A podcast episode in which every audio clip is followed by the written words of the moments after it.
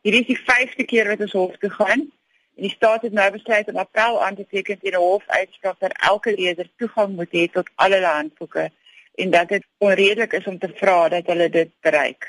Wat is julle hoofargumente in hierdie saak spesifiek? Ons argumente is dat elke skoolier toegang moet hê tot al hulle handboeke deur die jaar. Ons argument is ook rondom wat is redelik teenoor wat is onmiddellik moontlik. En ons argument is dat die staat onmiddellik stappe moet neem om handboeke by skooliere te kry en dat hulle alles moontlik moet doen om dit te bereik. En ons argument is ook dat dit hulle rol is om genoeg geld beskikbaar te maak sodat die handboeke die skooliere en die skole bereik. Wat is julle hoofdoel met hierdie saak? Ons hoofdoel is eintlik baie eenvoudig. Ons wil bereik dat alle skooliere al hulle handboeke in al hulle vakke het aan die begin van die jaar om huis toe te neem.